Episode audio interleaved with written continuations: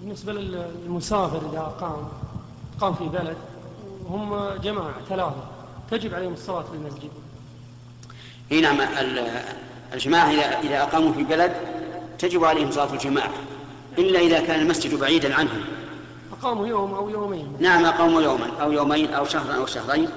تجب عليهم. فإنها تجب عليهم الجماعة إلا إذا شق عليهم هذا. إذا شق عليهم هذا صلوا وحدهم في مكانهم. No.